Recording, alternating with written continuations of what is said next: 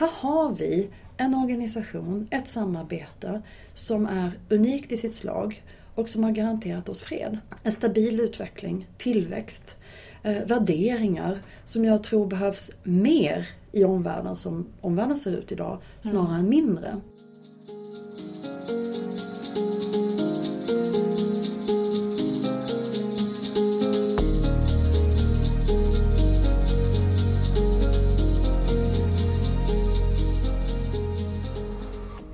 Välkomna till Utrikeshandelspodden, en samtalspodd från Kommerskollegium, Sveriges myndighet för utrikeshandel, EUs inre marknad och handelspolitik.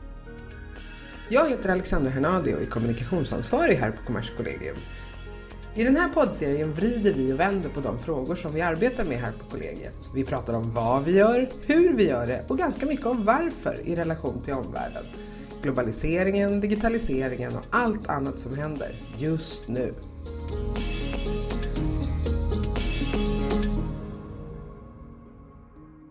Idag ska vi prata om det som kanske bäst kan beskrivas som följetongen Brexit, tänker jag. Eh, den som vi har levt med ända sedan i somras kan man säga. Eh, och lite hur det påverkar ett sånt exportberoende land som Sverige. Eh, och en av dess allierade i flera frågor ska ju nu lämna EU och de regeringsuppdrag som nu ska ge liksom faktaunderlag till regeringen inför de här förhandlingarna. Och med mig för att prata om det här har vi Business Swedens VD Ylva Berg, välkommen! Tack så mycket! Och Kommerskollegiums GD Anna Stellinger, välkomna mm. båda två, kul att ni är här! Tack! Jag tänkte Ylva, ska vi börja med dig lite? Först och främst ska vi börja med vad är egentligen Business Swedens uppdrag? Om vi ska förklara det lite kort. När det gäller eh, Brexit ja. så har vi fått ett uppdrag att titta på vad effekterna kan vara för svenskt näringsliv och svenskt samhälle mm. av Brexit och vilka mm. möjligheter som det eventuellt kan ge oss som mm. vi skulle kunna utnyttja. För man kan prata om möjligheter egentligen. Vad kan vi dra för liksom, positiva konsekvenser av att eh, Storbritannien lämnar? Alltså, vad man specifikt vill titta på det är mm. hur företagen kommer, vilken typ av beslut de kommer att fatta mm. vad det gäller investeringar i framtiden. Mm. Och om det är så att man överväger att kanske flytta sin tillverkning eller sin R&D ifrån mm. Storbritannien just ja. ja. för att eh, för att det blir för begränsat att ligga kvar i Storbritannien. Just det. Ja. Anna, eh, vi har ju också här på Kommerskollegium fått ett regeringsuppdrag och det består egentligen av två delar. Hur skulle du beskriva uppgiften? Vad är det vi tittar på? Mm. Det är precis som, som Ylvas uppgift, en ganska klurig uppgift. För vi pratar mm. ju om en situation som vi inte egentligen känner till ännu. Mm. Vi vet inte hur det brittiska utträdet kommer att se ut och vi vet inte hur den framtida relationen mellan Storbritannien och EU kommer att se ut. Mm. Och därmed också mellan Storbritannien och Sverige givetvis. Och vi har fått ett uppdrag som egentligen är i två delar. Mm. Vi ska ta fram olika alternativ, scenarier för hur regelverken kring tjänstehandel ska kunna se ut mellan mm. Storbritannien och EU. Mm. Eh, och jag tror att det är svårt att underskatta betydelsen av tjänstehandel. Det är ju en stor del av Sveriges relation till Storbritannien som består mm. av tjänstehandel. Så tjänstehandel å ena sidan men också olika scenarier och alternativ till hur regelverken kan se till på, när det gäller tullar och handelsprocedurer på varuområdet. Mm. Alltså tjänstehandeln och varuhandeln, relationen mm. mellan Storbritannien och EU mm. och därmed också med Sverige. Mm. Men som sagt, det, det, är en, det är en klurig fråga. Det finns inget givet svar. Vi Nej. fick ju några indikationer av Theresa May häromdagen men, men i övrigt så är det ett relativt brett spann mm. av olika alternativ och scenarion. Jag tänkte på att vi skulle backa bandet lite grann. Kommer ni ihåg i somras, 23 juni, mitt i den svenska midsommarhelgen var det ju till, till och med, eh, så bestämde sig då det brittiska folket för att säga ja till en Brexit, eller i alla fall en majoritet av det brittiska folket ska man säga. Att man vill lämna det europeiska samarbetet. Eh, och ni är ju båda väl insatta i EU-frågor tänker jag. Eh, och många blev ju ganska förvånade över det här beslutet. Vad hade ni för initiala reaktioner? När du vaknade på morgonen Ylva, vad, vad, kände, vad kände du? Vet du, jag vaknade väldigt tidigt den morgonen och eh, det, vanan trogen så kollar man vad som har hänt på nyheterna. Ja. Och jag måste säga att jag kunde faktiskt inte ens en gång tro mina ögon. Alltså det kändes helt otroligt tråkigt, mm. nästan lite overkligt mm. Eh, måste jag säga. Mm. Och, och, jag tycker framför allt om man tittar på EU som ett eh, en institution så att säga för Europa både att eh, se till att värna om fred ja. och om eh, att öka välståndet i den här delen av världen. Ja. Så kände jag att eh, också med den ökade internationella politiska oro som vi har i det här området Mm. så, så kändes det här inte som, som ett välkommet beslut givetvis utan Mm. det kändes som att vi ökar osäkerheten i EU Mm. och att eh, den här slitningen som vi ser i sömmarna mellan olika länder inom EU eh, egentligen bara har börjat i och med Mm. att det blev ett Brexit. Mm. Så jag måste säga att det var med, faktiskt med, med sorg som jag konstaterade att, att det hade blivit ett Brexit. Och i början så tänkte jag att de måste ha räknat fel. men, men, eh, men så var det ju inte. Och sen Nej. blev det ju väldigt mycket spekulationer om vad kommer det här att innebära ja, och kommer de verkligen Ja. kunna driva det här eller kommer det att bli en, en mjuk Brexit eller en hård Brexit? Mm. Men jag tycker att- förlåt. Eh, nej, alltså det är ju det, det- det är också otroligt olyckligt. Det är många tankar som, eh, Mm. som väcks hos en för det är otroligt olyckligt just att det är Storbritannien som har varit så nära lierat med Sverige Mm. att driva på frihandelsorienterade frågor Mm. i EU. Det har ju varit våra närmaste bundsförvant. Precis, av våra Eh, bästa kompisar. Ja, I- i, ja, för att liksom driva rätt typ av politik. Mm. Så att eh, det är inte bara det här att det är en, en, eh, en stor del av EU som faktiskt eh, träder ut och Mm. att det får givetvis följdreaktioner på olika sätt. Mm. Utan för Sverige så är det ett betydande tapp. Mm. Anna, vad minns du av den där morgonen? Eh, Jag minns precis som Ylva, jag vaknade tidigt men, men inte självmant höll jag på att säga. Jag fick ett samtal från en tidning innan, innan klockan sex på morgonen som Mm. ville höra mina tankar kring det. Ja. Jag kan väl säga att jag hade gått och lagt mig med en, en relativt lugn och tänkt att nej, men det här ska nog gå vägen. Och eh, följde det här samtalet på morgonen och behöver hämta mig några sekunder. För då blev det det resultatet som vi nu känner till. Mm. Jag får väl säga som Ylva att det är ju många tankar som går igenom ens huvud under den dagen som ju dessutom då är en midsommardag och man ska vara glad med vänner och släkt och, eh, och dansa runt stången och allt annat man gör. Ehm, Men dels det vad det betyder för Sverige. Det är ju en uppenbar fråga. Ja. Vad betyder det för våra studenter, företagare? Vad betyder det för vår handel, vårt utbyte? Mm. Men jag tycker det är viktigt det som Ylva säger också.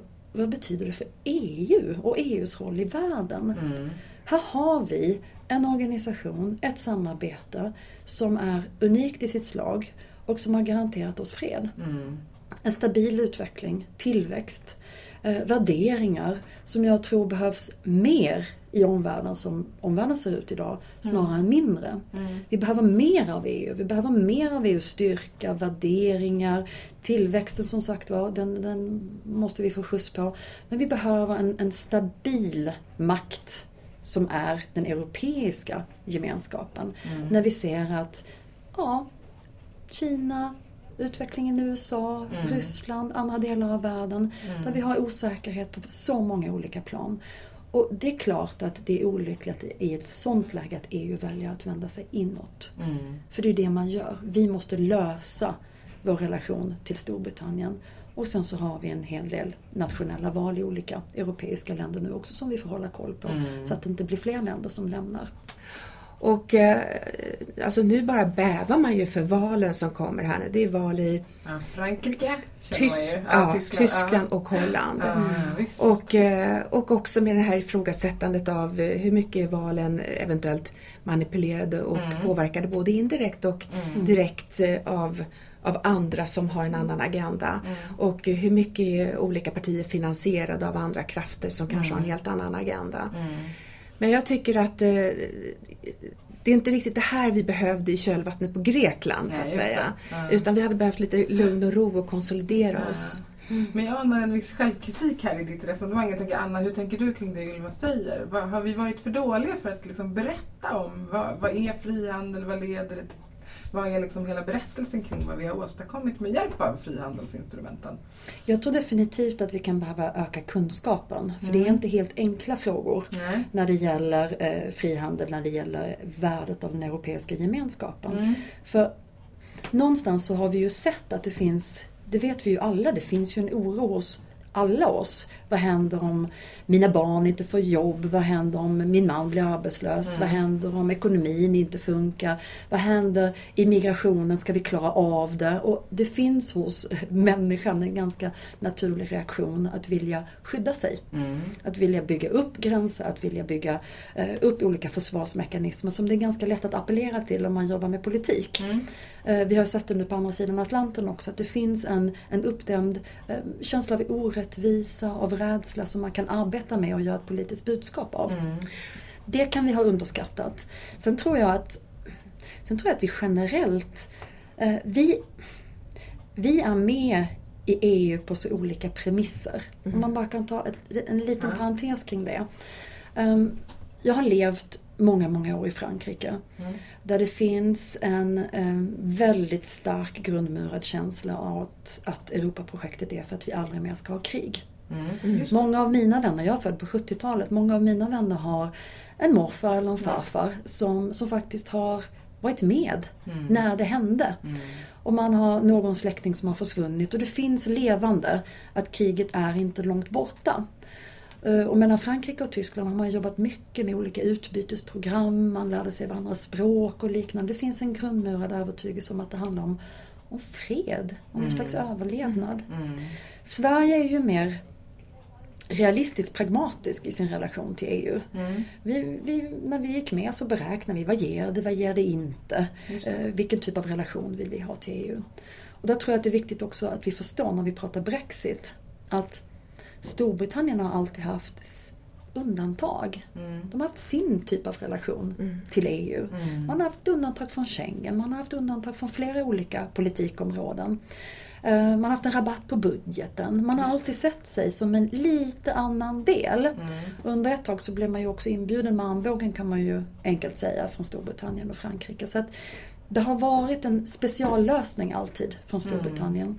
Så där kanske vi inte ska vara så förvånade att man från Storbritanniens håll ser sig mm. som en något annorlunda EU-medlem och att frågan någon gång faktiskt skulle ställas på sin mm. spets. Vilket mm. den nu gjorde.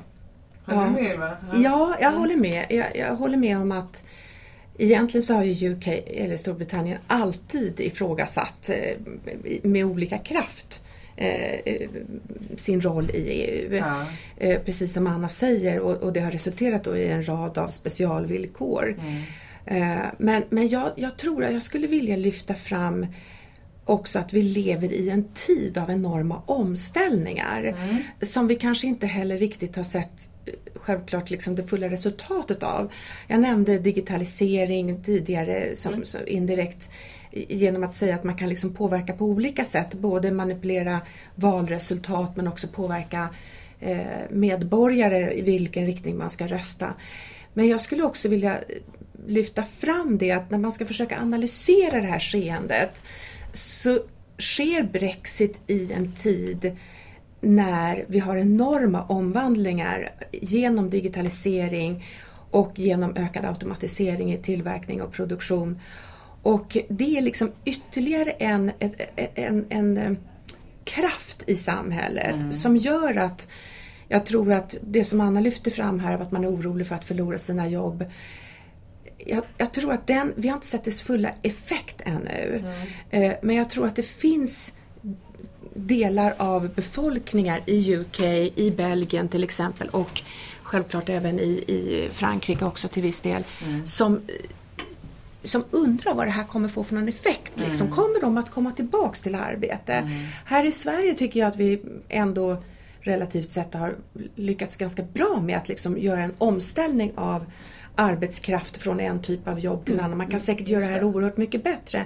Men det handlar ju om att ta ett ansvar för en, en, en omställning och en transition mm. för att få med sig medborgare. Det är ju självklart att vi kan ju inte ha andra och tredje generationens medborgare som inte har jobb. Mm. Utan jag tror att jobben är ju enormt viktiga och jag tror att tittar man på, på det som sker nu med Trump och i USA så tror jag att där har vi egentligen också en, en problematik med att de jobb som folk har haft, då säger man att de skiftas så att man får nya jobb inom servicenäringen. Och, och det har lyfts fram i ett otal artiklar här att de jobben, bara för att det är service, så behöver inte det innebära att de är mer kvalificerade utan snarare är det tvärtom. Mm. De är ofta lägre betalda jobb. Mm.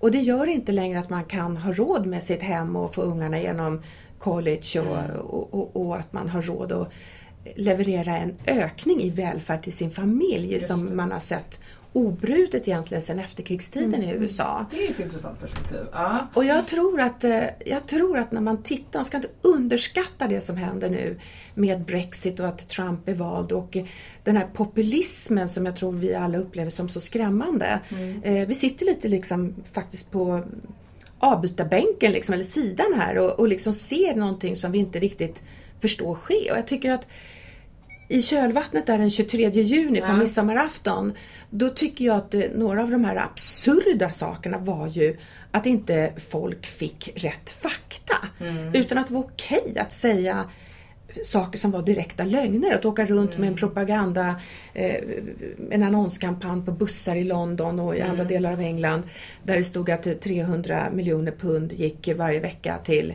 mm. EU att de mm. skulle man lägga på National Health Services istället. Mm. Alltså beloppet var felaktigt och, eh, och det fanns inte liksom en möjlighet att byta det här rakt av till, till eh, Health Services mm. i, i, UK. Mm. Och jag tänker nu när, när, Brexit har ägt rum och eh, Theresa May här i förra veckan valde då en, en hard Brexit. Ja. Eh, att man liksom verkligen klipper banden här nu och mm. eh, hon liksom kör det här in i kaklet. Då tänker jag det att eh, man hoppas samtidigt att medborgaren inte glöms bort här. För om tanken var att man skulle skapa nya jobb i mm. UK så kommer ju ändå en omedelbar effekt vara att vissa typer av industrier kommer mm. att få det väldigt mycket svårare mm. i England. Mm. Eh, både på kort sikt och förmodligen även på mellanlång sikt. Mm. Och då tänker jag till exempel som hela bilindustrin, tillverkningsindustrin, tänker på läkemedelsindustrin bara för att nämna mm. ett par, mm. så innebär ju det här att du kommer att drabbas av, de kommer att drabbas av högre tullar både mellan EU och sig själva så att mm. säga. Så att jag tycker att det är, det är fortfarande bekymmersamt och jag tror att det är bekymmersamt också från det perspektivet att om det inte löser problemen, mm. vad blir det då som kommer i kölvattnet? För att mm. Det är ju den här instabilitet och osäkerhet är inte bra för handel och investeringar. Mm.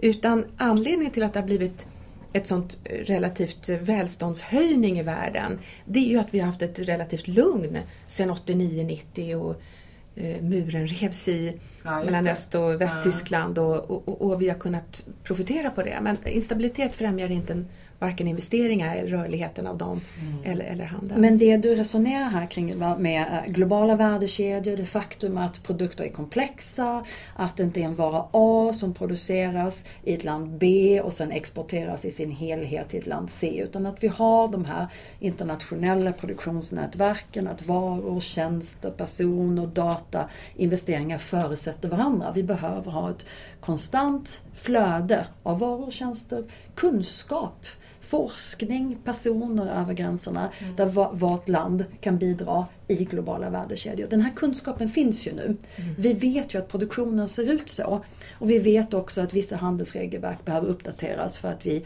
just ska se till så att vi får ett transparent, tydligt regelverk, för regler behövs. Men att vi gynnar framväxandet av de globala värdekedjorna. Det är inte ett budskap som är lätt att formulera i en mening vare sig i en politisk kampanj mm. eller i en förhandling där man på något sätt ska göra ett, ett tal till det brittiska folket och säga mm. jag har hört det och så här ska vi göra. Mm. Då är det lättare. Som jag tror att Theresa May eh, gjorde. Jag har hört det, detta har jag hört. Och så gör hon en analys mm. av varför de brittiska medborgarna röstade för Brexit. Mm. Hon säger, jag har hört vad ni vill ha för era barnbarn. Mm. Då hör man den generationen som röstade för ett utträde. Mm. Men barnbarnen själva, de som var så pass vuxna så att de faktiskt fick rösta, mm. röstade ju majoritet för att stanna. Vi hamnar i en tolkning av vad medborgarna vill ha och mm. sen så ska vi förklara vad som behövs framöver. Och då är det, just för att återknyta till det här med populism, mm. det är inte lätt att förklara ett budskap med globala värdekedjor mm. och behovet av öppenhet, behovet av den inre marknaden, behovet av att vi har både varor, personer mm. och, eh, och tjänster och investeringar och tankar och data mm. som flödar över gränserna. Mm. Det är ett komplicerat budskap. EU kommer vara precis så bra som vi gör det till. Mm.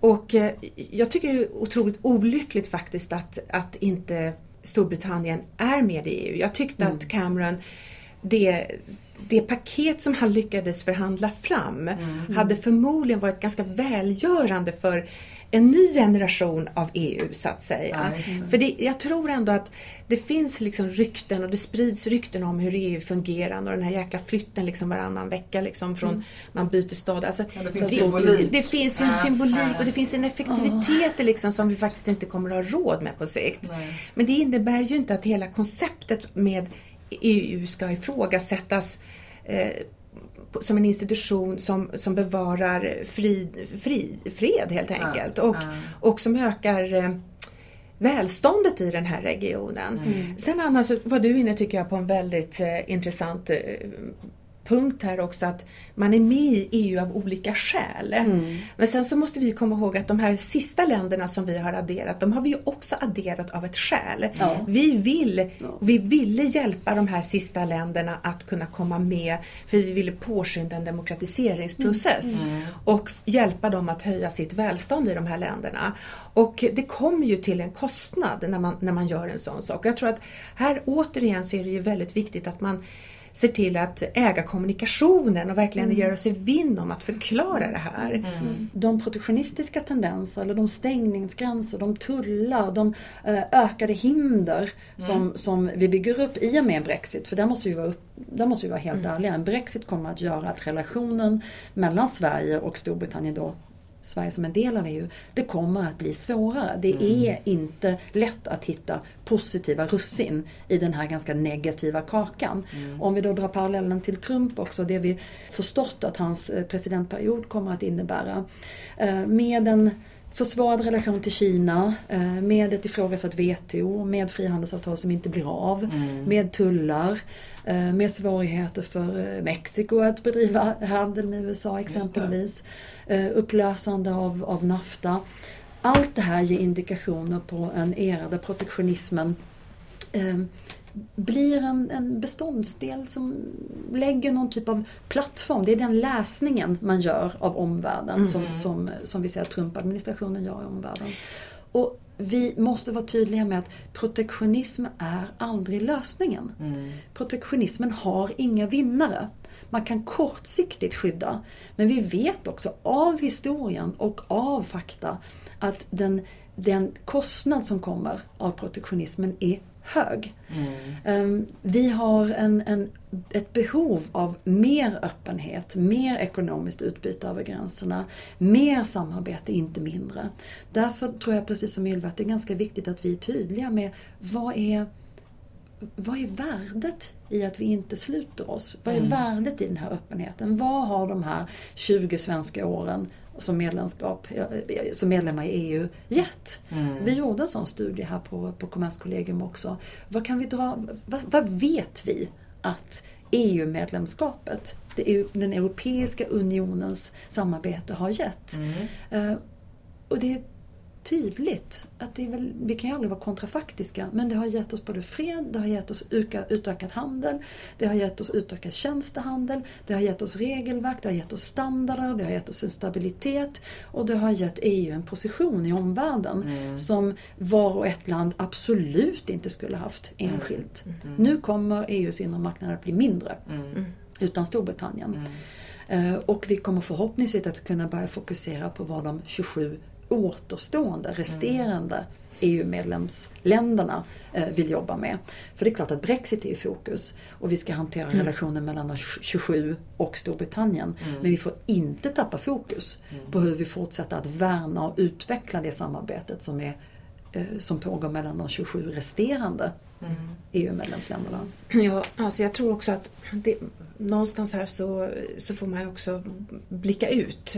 Vi, vi, vi, har tittat lite grann på vad som händer i Trumps USA men tittar man på vad som förväntas hända de närmaste åren så sker tillväxten i i Asia Pacific. Ja, och eh, i dagsläget bor faktiskt mer än hälften av jordens befolkning i Asien. Mm. Och medan vår tillväxt i EU ligger på knappt 2 procent eh, så ligger Asiens tillväxt en bra bit över den. Mm.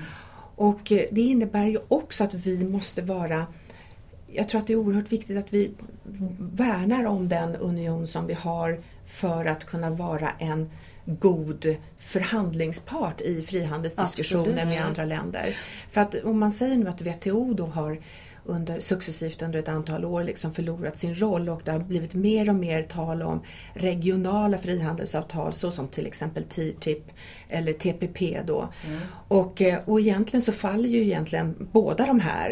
Mm. Och vad jag misstänker att man kommer att se det är väl en, eh, en framväxt av ett annat frihandelsavtal i Asia Pacific då, som är ASEAN-länderna plus de andra sex. Mm. Och vad det kommer att innebära för tekniska eh, handelshinder mot resten av världen mm. från Asia Pacific uh. synvinkel. Mm. När Kina kan vara med att sätta standards på mm. allt ifrån energi, kanske batteritillverkning, mobiltelefoner och, och nya digitala lösningar. Mm. Då är det inte säkert längre att vi lyckas liksom hänga med om inte vi lyckas hålla ihop den här enheten. Mm. För mm. än så länge är vi liksom en värdig diskussions och handelspartner att eh, förhandla med. Men det krävs ju att vi har en kritisk massa. Mm. Och där tror jag det är viktigt att vi förstår, precis som Ylva säger, att ett frihandelsavtal handlar inte bara om att sänka tullarna inom de medlemsländer, eller inom de länder som ingår ett frihandelsavtal. Mm. Utan det handlar om så mycket mer. Det handlar om att sätta standarder, sätta regler för framtiden. Vad är det för typ av standarder vi vill jobba med? Och sen så ofta sprider man dem ju vidare mm. internationellt. Mm. Det vill säga det handlar också om värderingar till syvende och sist. Mm. Och ett, eh, ett tillbakadragande eh, av USA ur TPP exempelvis. Ja, men det är ju ett sätt som sagt för att sprida det som vi anser vara eh, rimliga standarder också ur hållbarhetssynvinkel mm. exempelvis. Mm. Vi är inte alls säkra på att Kina som ju då förmodligen får en ytterligare stärkt kraft i och med att TPP inte blir av, att mm. USA inte inleder det här mm. eller fortsätter med det här frihandelsavtalet med, med Asia Pacific. Um, vi är inte alls säkra på att Kina tar lika allvarligt på exempelvis hållbarhetsfrågor mm. som EU gör, som USA gör. Mm. Mm. Jag tror verkligen att det är viktigt att vi vågar ta ställning. Mm. Och eh, det är viktigt att gemene man och företagare lär sig att förstå vad, vad frihandel och en unionssamarbete som vi har i EU vad det innebär mm. och vad det innebär att inte vara med. Mm. För Sverige är extremt beroende av frihandel. Mm. Alltså hälften av vårt BNP kommer ifrån från export. Mm. Och eh, hälften av vår export kommer ifrån internationellt ägda bolag. Mm. Så att eh, man ska eh, verkligen förstå hur viktigt det här är för svenskt välstånd. Mm. För att vi ska ha råd med den fantastiska äldrevård som vi har, mm. barnomsorg, skolor, vägar, mm. transporter och så vidare. Det är helt avgörande att eh, att vi funkar här helt enkelt. Att vi funkar med frihandelsavtalen för Sveriges räkning och för EUs räkning. Jag tänkte på en sak som jag skulle vilja prata lite mer om. Eh, ni träffar ju båda många svenska företag och utländska investerare och sådär. Eh, hur hör ni liksom att tankegångarna går hos dem kring det som liksom komma skall och det som redan är? Hur påverkar det i vardagen? Tänker du just Brexit? Ja, precis. Vi, vi gjorde faktiskt en, en, en enkätundersökning. Ja. Vi gick ut och intervjuade, eller vi gick ut och frågade i en enkät 600 bolag i Storbritannien, mm. svenska dotterbolag i Storbritannien. Nu fick vi inte världens högsta svarsfrekvens, men låg på 24 procent. 125 okay. bolag svarade, ja. så det är fortfarande liksom en, en, en signifikant svar så att Aha. säga. Men det är någon slags fingervisning? Ja. Men det är en fingervisning och det var innan Theresa Mays tal, det här var mm. före jul. Och då fick vi egentligen kan man säga, om man ska sammanfatta svaren, så mm. kan man säga vi väntar och ser. Det kanske ja. inte blir mm. riktigt så farligt som man har trott. Nej. Och eh, det var lite drygt 20 procent av bolagen som sa att de trodde att Brexit skulle påverka deras investeringsbeslut. Mm. Mm. Och vad vi kunde se är ju självklart att de här bolagen, de här svenska dotterbolagen, deras ställningstagande till om de ska fortsätta att investera i Storbritannien eller inte mm. handlar ju om för vilken marknad de producerar. Mm. Mm. Är det för den brittiska marknaden så kommer de att fortsätta investera där. Mm. Men är det för den europeiska marknaden mm.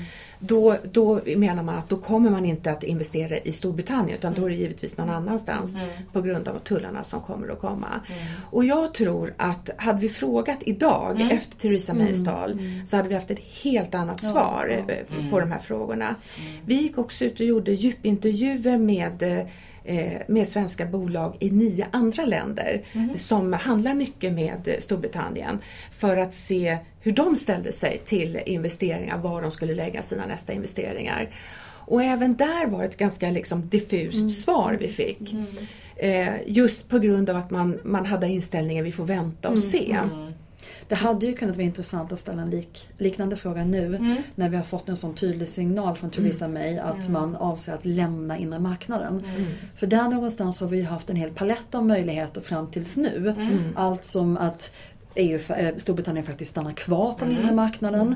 Eh, till att man hittar olika typer av särlösningar eller man följer en norsk modell eller en mm. turkisk modell mm. eller, eller man följer en frihandelsavtalsmodell alla, alla CETA och Kanada. Men nu när vi har fått en sån tydlig signal mm. från Theresa May att det här är en hård Brexit, det som har mm. kallats en hård Brexit mm. hittills. Det vill säga att Storbritannien helt enkelt tar sitt pick och pack och lämnar EUs inre marknad. Då eh, får vi sannolikt en annan bild mm. Eh, från mm. företagen och det är lite för tidigt att säga någonting mm. om det ännu. Mm. Jag tror att effekterna på svenskt näringsliv och på brittiskt näringsliv kommer att bli stora. Mm. Eh, det är vår fjärde största handelspartner. Mm. Och, eh, så att det kommer absolut att få effekter för oss. Mm. och effekterna kommer bli ännu större för dem. Det är jag helt övertygad om. Och jag tror att Londons betydelse som ett finanscentrum givetvis också kommer att eh, få, få sig en törn. Mm. Eh, för att eh, med de rörligheter som begränsat här, här nu med med immigration och arbetstillstånd och så vidare så kommer ju det medföra att du, det kommer inte vara konkurrenskraftigt helt enkelt. Du kommer inte få dit de bästa personerna. Men jag tror att kostnaden totalt för, för Storbritannien mm. kommer att bli, den kommer att bli tuff. Mm. Och kostnaderna för Sverige, jag tänker vi pratar ekonomin, vi mm. vet om att eh, Storbritannien är ju den eh, tredje största exportmarknaden för Sverige när det gäller tjänster och den fjärde största när det gäller varor. Så det är en väldigt viktig marknad för Sverige. Men mm. utöver det så har ju Storbritannien historiskt och, och fortfarande fram till idag varit en sån naturlig allierad för Sverige i frågor av så stor vikt. Mm. Både ekonomiska och det gäller budget, det gäller handelsavtal, det gäller mm. den här frihandelsförståelsen mm. där Storbritannien har kunnat vara en trygg samarbetspartner, någon som har drivit frågorna där Sverige ibland har behövt backa upp väldigt aktivt men mm. Sverige ibland har kunnat ganska tryggt eh, ställa sig bredvid Storbritannien och låta Storbritannien föra talan. Mm. Eh, vi ska inte underskatta att det finns en hel del protektionistiska tendenser i övriga EU och att det finns, finns frågor som snarare är av en, av en, eh, en karaktär där Sverige inte alltid känner sig hemma och Storbritannien mm. inte alltid känner sig hemma heller. Mm. Så att vi får, en, vi får en annan situation, mm. förhandlingssituation för Sverige. Mm. Vi har ju traditionellt stått nära de nordiska länderna givetvis, men även Nederländerna, Storbritannien, eh, baltländerna och vi ser hur Nederländerna har ett val nu men med ganska populistiska krafter som driver starkt. Mm. Vi ser också då givetvis Brexit, men vi ser övriga delar där vi har haft ett väldigt nära samarbete, där det växer sig starkt olika mer protektionistiska, främlingsfientliga, mm. populistiska rörelser. Mm. Så att, att förlora Storbritannien som en, en allierad med en stor förståelse mm. av den inre marknadens betydelse och frihandelns betydelse är, är givetvis odelat negativt. Mm. Det är svårt att se någonting positivt i det. Mm. Vi tittar ju lite grann på från, från Business Swedens sida på hur, vilka andra partners, för nu är det mm. dags liksom att gå ut och hitta andra bundsförvanter och allierade så att ja. säga. Nu, nu kom ju Angela Merkel hit här den eh, slutet på januari och eh, jag tror att det är otroligt viktigt att vi vi lägger i en annan växel i att stärka de banden som vi har haft sedan väldigt lång tid tillbaks till Tyskland. Mm. Tyskland är, om man tittar på liksom den totala handeln in och ut, export och import och utländska investeringar till Sverige och till Tyskland, så är det vår absolut största handelspartner. Eh, och eh, jag tror ibland att vi tar Tyskland lite grann för givet. Mm -hmm. och inte bara det att också att kunskaperna om Tyskland och tyska språket faktiskt håller på att avta i Sverige. Mm. Färre ungdomar lär sig tyska. Jag tror att vi bör nog liksom rannsaka oss lite grann här och se vad vi kan göra för att knyta ännu tajtare band mm. eh, mellan våra olika länder mm. för att se, hitta en ny eh, stabil mm. bundsförvant. Men tror du inte också Ylva att vi bör tänka på det sättet att vi kanske inte ska ha en stor bundsförvant som vi lite har räknat med Storbritannien tidigare utan att det finns flera av de olika europeiska länderna där Tyskland givetvis har en sär en särställning där vi kan arbeta mycket mer effektivt i olika sakfrågor. Jag ser ju med viss förhoppning på att delar av Sydeuropa, ett land som Portugal till exempel, har en ökad förståelse av vikten av frihandel, eh, var relativt drivande i vissa frihandelsavtalsförhandlingar där vi kanske från svenskt håll måste göra en större ansträngning att se vilka länder kan vi samarbeta med inom vilka frågor. För vi har hela tiden tagit för givet att detta Storbritannien, mm. eh, nästan alltid, i väldigt många fall, vi är ju det land som har röstat all, oftast gemensamt tillsammans med Storbritannien. Men att vi behöver se flera länder, flera olika typer av koalitioner inom flera olika ämnesområden.